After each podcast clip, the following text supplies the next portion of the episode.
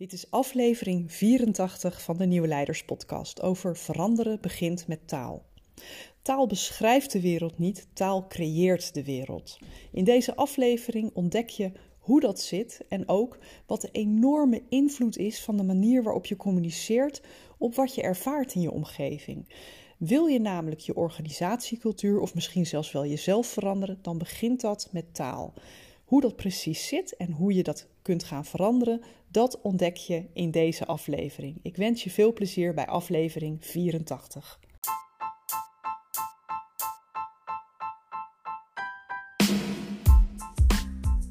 Nieuwe tijden vragen om nieuw leiderschap. Mijn naam is Petra Kuipers en vanaf deze plek neem ik je mee op onderzoek naar hoe we nieuwe vormen van leiderschap kunnen ontwikkelen in organisaties, in teams en niet in de laatste plaats bij onszelf. Samen herschrijven we de definitie van leiderschap. De Nieuwe Leiders Podcast is een podcast vol inspiratie en informatie voor formele en informele leiders. Let's go! We denken vaak dat taal uh, een middel is om onze omgeving te beschrijven, om dingen aan elkaar uit te leggen, om beelden duidelijk te maken. Maar in werkelijkheid is het juist taal wat de wereld creëert. En in deze korte aflevering wil ik je bewust maken van de enorme invloed die de manier waarop je communiceert heeft op wat je ervaart in je omgeving. Maar ook um, op de cultuur die je om je heen ervaart. Het is voor een groot deel taal wat maakt dat je een bepaalde cultuur ervaart in je omgeving. En het klinkt misschien vreemd, maar ik wil graag beginnen met je innerlijke communicatie. Oftewel de woorden die je inwendig in je gedachten gebruikt. De taal die we horen, die we spreken, die we lezen, die vormt onze realiteit. De woorden die we gebruiken, die bepalen de manier waarop we denken en de manier waarop we de wereld zien. We denken namelijk in woorden. jouw gedachten die bestaan omdat je er van binnen woorden aan geeft. En dat heeft als, als consequentie dat uh, de taal die je tot je beschikking hebt, dat je woordgebruik, dat dat heel bepalend is voor je gedachten. Want ja, je kan niet eens denken in woorden die je niet kent. Nou, jouw gedachten creëren op hun beurt weer je werkelijkheid. Want elke gedachte uh, wordt razendsnel vertaald naar een gevoel. Dat is een grotendeels onbewust proces wat onder de motorkap van je brein gebeurt. Maar gedachten die triggeren razendsnel een gevoel. En dat gevoel dat bepaalt weer uh, hoe je je vervolgens gedraagt. He, wat je doet, wat je zegt en dat soort dingen. En dat um, doet weer iets met je omgeving. Want voor hun is dat weer een gebeurtenis die een gedachte triggert. En die gedachte maakt weer een gevoel los, enzovoort, enzovoort. Dus op die manier beïnvloedt ons gedrag altijd weer hoe andere mensen de wereld ervaren. Kortom, woorden bepalen je realiteit. En ik heb vorige week gewoon eens even als oefening voor iets wat ik aan het schrijven was voor mezelf een paar minuten maar mijn gedachten bijgehouden. En ik had het echt niet meer dan een minuut of vijf. En dat zag er ongeveer zo uit. Allereerst, wat fijn dat de zon eindelijk weer een keer schijnt. Nou, dat gaf me een geluksgevoel. Ehm, ik moet het rapport echt nog wel voor het weekend af hebben. Gaf een soort spanning. En wat denkt ze nou dat ze bereikt met wat ze net deed? Dat was een soort frustratie. In een tijdsbestek van een paar minuten, hooguit vijf, had ik dus dit soort gedrag, uh, gedachten die allemaal verschillende gevoelens bij me losmaakten. Elke gedachte trakteert me op een bijpassend gevoel. Of ik me daar nu van bewust ben of niet. En dat gebeurt de hele dag door. En hetzelfde gebeurt voor jou. En als wat je denkt zo direct invloed heeft op hoe je je voelt en hoe je je gedraagt, dan kun je dus maar beter heel bewust omgaan met de taal die je voor jezelf gebruikt. Dus vraag jezelf eens af. En dat is een interessante oefening uh, om een keer uh, nou ja, echt even voor te gaan zitten.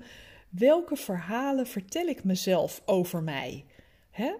Dus schrijf dan eventjes uh, een paar minuten op van wat zijn nu de verhalen die ik in gedachten regelmatig tegen mezelf vertel. Hè? En een paar aanknopingspunten of voorbeelden daarbij. Vaak hebben terugkerende, hardnekkige gedachten de vorm van een overtuiging. Hè? Ze zijn voor jou helemaal waar.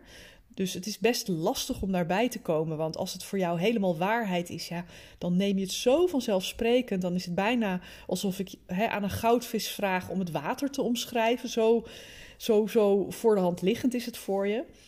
Maar heel vaak hebben ze een vorm als dat lukt toch nooit. Of het is nu eenmaal zo. Of ik heb daar geen invloed op. Of ik ben nu eenmaal puntje, puntje, puntje. Vul het maar aan.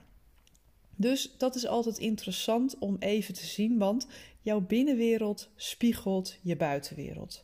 Jouw taal heeft effect op hoe je je voelt en hoe je je voelt heeft effect op hoe je je gedraagt.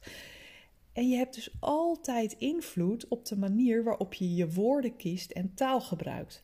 Maar daarvoor is het wel nodig dat je je eerst bewust wordt van de taal die je van binnen gebruikt en van de verhalen die jij jezelf over jezelf vertelt.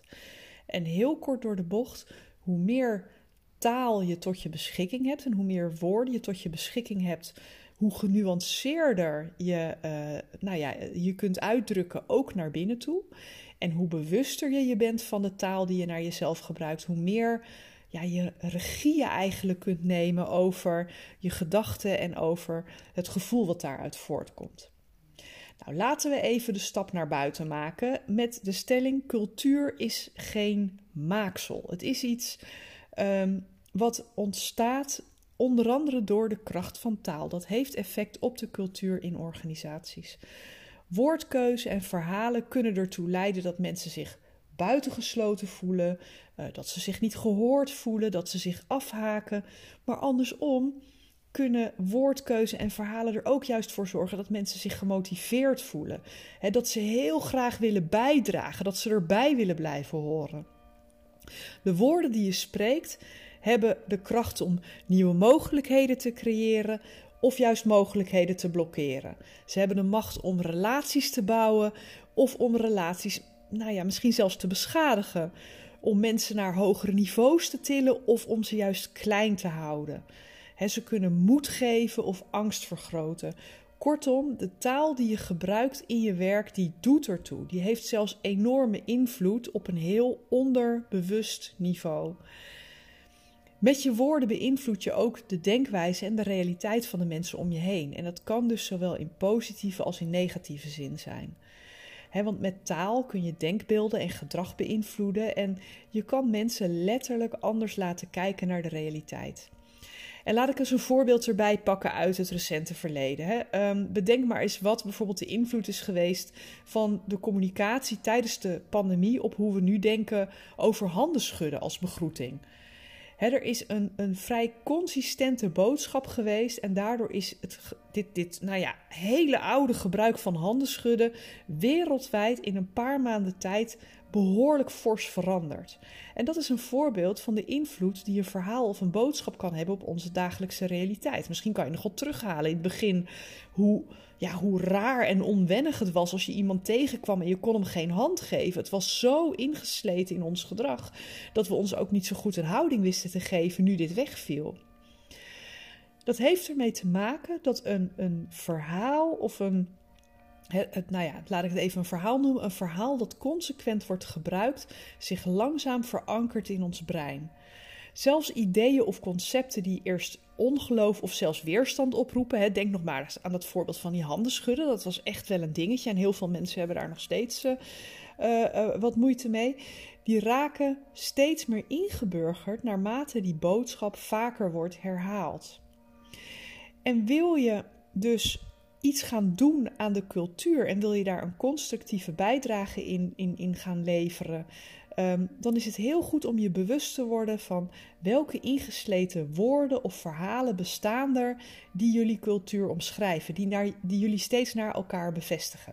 En soms zijn het dingen als jargon.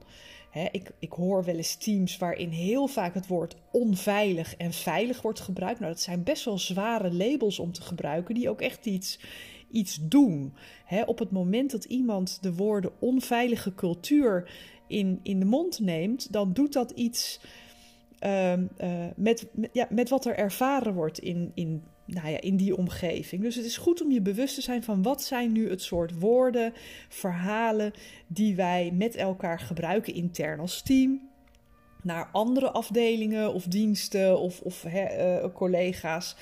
Ehm, maar ook uh, naar bijvoorbeeld klanten of stakeholders. Wat is nou de rode draad van de verhalen die wij vertellen? En zijn dat de verhalen die ons helpen om een prettige en constructieve cultuur uit te dragen? Nou, wil je nu dat het huidige organisatieperspectief verandert, dan begint dat door het verhaal te veranderen. zorg dat de boodschap die je vertelt over wie jullie zijn en hoe jullie werken, dat, dat die boodschap sowieso positief is, maar ook consistent. En natuurlijk dat je hem ook ondersteunt met je gedrag. Want op het moment dat je een bepaalde boodschap uh, vertelt die je niet ondersteunt met je gedrag, omdat je gedrag daar echt haaks op staat, ja, dan, dan komt die boodschap ook niet binnen. Dan, dan is het meer een toneelstukje. Dat wordt nooit geloofwaardig. Maar door het wel heel consistent te doen, introduceer je langzaam maar zeker een nieuwe taal die ook de manier van denken in je omgeving verandert. En onthoud daarbij nog een keer hè, een, een frame, een taal die consequent wordt gebruikt, die verankert zich langzaam in het brein. Als dat verhaal steeds op verschillende manieren wordt herhaald, dan merk je dat het vanzelf realiteit wordt. Nou, je bent je nu wat bewuster van de kracht van taal. Uh, die je in je hoofd naar jezelf spreekt over jezelf. Dus wil je zelf veranderen, begin dan met jezelf andere verhalen over jezelf te vertellen. En dat begint weer met eerst bewust worden van, ja, wat zijn nu eigenlijk de overtuigingen, de verhalen die ik continu naar mezelf blijf herhalen. En als ik daar iets in verander, nou ja, ga eens kijken wat er gebeurt. Dat kunnen echt hele kleine wijzigingen zijn die enorme impact hebben. En vervolgens, als je dat uh, wil gaan doen in de cultuur in je omgeving, dan gaat het ook over bewuster worden van het verhaal dat jullie steeds naar elkaar vertellen, de woorden die je gebruikt. Uh, en hoe je dus met elkaar je huidige realiteit in stand houdt. Nou, een paar tips om een nieuw verhaal te gaan schrijven. Hè, um, Kijk eens even ehm, naar wat je wel wilt in plaats van wat je niet wilt. Heel vaak als ik dit als een soort oefening geef in een team, dan komen er reacties terug op wat we niet langer meer willen. Maar om een verhaal te laten beklijven in ons brein is het belangrijk om hem op een positieve en actieve manier te verwoorden. Ons brein kan niks met het woord niet. als ik bijvoorbeeld zeg: denk niet aan een roze olifant, dat is altijd een beetje een flauw voorbeeld, maar hij is wel goed. Het woord niet valt meteen weg en die roze olifant die staat al in je brein. Um, omdat, ja, weet je, hoe bedenk je het woord niet? We maken aan de hand van die woorden ook weer een soort innerlijke film ervan. En ja, dan kan je nog een soort van een streep door die olifant zetten. Of je maakt een blauw in plaats van roze. Maar die olifant die staat in je brein op het moment dat ik dit heb uitgesproken. Dus uh, lang verhaal om te zeggen, uh, formuleer het positief en actief. Weet ook dat het veel beter helpt om een nieuw en constructief verhaal te maken, een nieuw verhaal te creëren dat het oude overbodig maakt, in plaats van dat je heel veel energie gaat stoppen in het verhaal wat je niet langer meer wil. Schrijf een nieuw verhaal. Dat is iets wat je op elk moment kan beslissen en waar je op elk moment mee kan beginnen. En weet um, dat woorden de neiging hebben om heel snel viraal te gaan. Dus op het moment dat jij een bepaald woordgebruik introduceert, zal je merken dat het in no time door andere mensen in je omgeving wordt overgenomen. En zo wordt het deel van het collectieve onderbewuste wat er is. Nou, gebruik dus positieve en activerende taal en zorg dat je uh, niet als een soort langspeelplaat steeds exact hetzelfde verhaal vertelt, maar dat je regelmatig een net ander haakje pakt om dat verhaal te, uh, te houden. Maar wel dat je elke keer die positieve, activerende woorden daarbij gebruikt. Nou, dat wilde ik even kwijt voor deze week. Ik ben benieuwd uh, wat het bij je losmaakt. Als je dat met me wilt delen, stuur me een mailtje op petra.deimplementatiedokter.nl. Um, dit is ook weer een onderdeel van mijn nieuwe boek wat in mei uitkomt. Het heet Navigeren in de Mist en je kunt het via alle bekende boekhandels al voorbestellen. Dus ga dat vooral doen. En ik spreek je volgende week. Dankjewel voor het luisteren naar de Nieuwe Leiders Podcast. Was deze aflevering waardevol voor je? Door hem te delen of een recensie achter te laten, help je nog veel meer mensen om de Nieuwe Leiders Podcast te vinden. En vergeet niet de podcast te volgen zodat je niets meer mist. Ik tref je graag bij de volgende aflevering.